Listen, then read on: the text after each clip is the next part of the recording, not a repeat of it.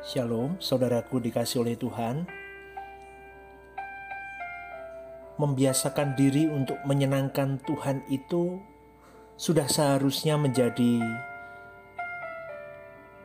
kebiasaan atau agenda kita yang paling utama dalam hidup ini. Menyenangkan Tuhan itu sudah seharusnya menjadi irama hidup untuk setiap insan yaitu terbiasa hidup hanya untuk menyenangkan perasaan Tuhan saja. Tetapi banyak kali orang terjebak di dalam kebiasaan hidup hanya untuk menyenangkan diri sendiri dari segala sesuatu yang dilakukan. Sejak pagi hari sampai malam hari, bahkan sampai pagi lagi, Biasanya semua hal yang dilakukan hanya untuk kesenangannya pribadi itu sendiri. Hal ini berlangsung dari hari demi hari, jam demi jam, waktu demi waktu, tahun demi tahun.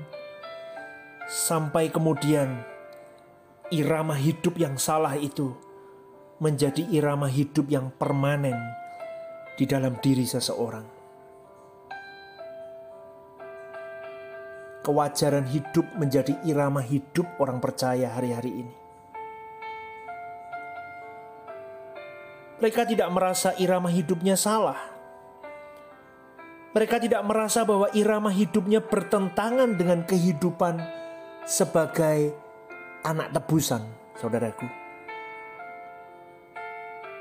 Irama hidup yang egois, irama hidup yang tidak pernah menjadi anggur yang tercurah, tubuh yang terpecah untuk sesamanya.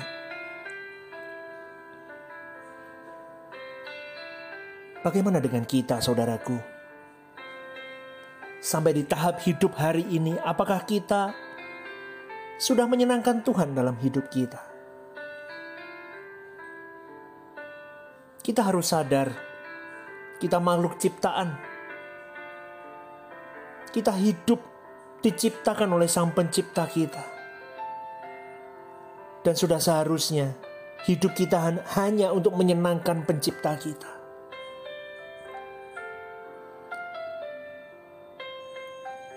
Ada pribadi yang membeli atau menebus hidup kita. Kita harus senangkan dia. Tidak ada lagi toleransi untuk hidup bagi diri kita sendiri saudaraku yang dikasih oleh Tuhan, orang yang hidup untuk dirinya sendiri,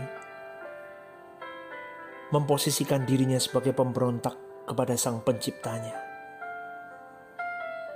Kita mau belajar, saudaraku, menjadi pribadi yang benar-benar sejak kita hidup di muka bumi ini, kita menjadi pribadi yang terus membuat Tuhan tersenyum senang dengan hidup kita.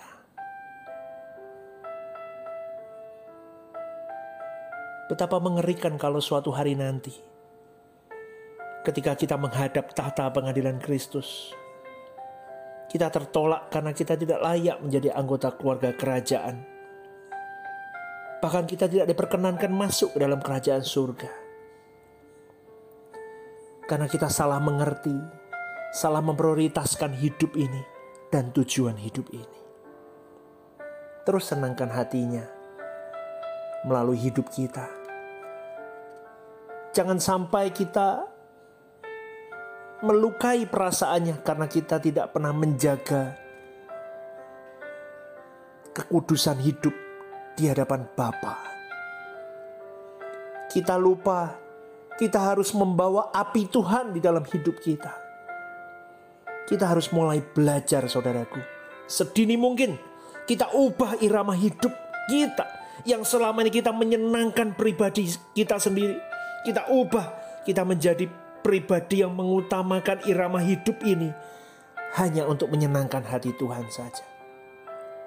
Mari berjuang bersama saudaraku. Tidak ada kata terlambat sebelum nafas ini putus. Tidak ada kata terlambat sebelum jantung ini berhenti berdetak. Berjuang bersama, terus kita senangkan. Kita senangkan Tuhan kita, itu agenda hidup kita. Sola Gracia saudaraku. Tuhan Yesus memberkati. Shalom.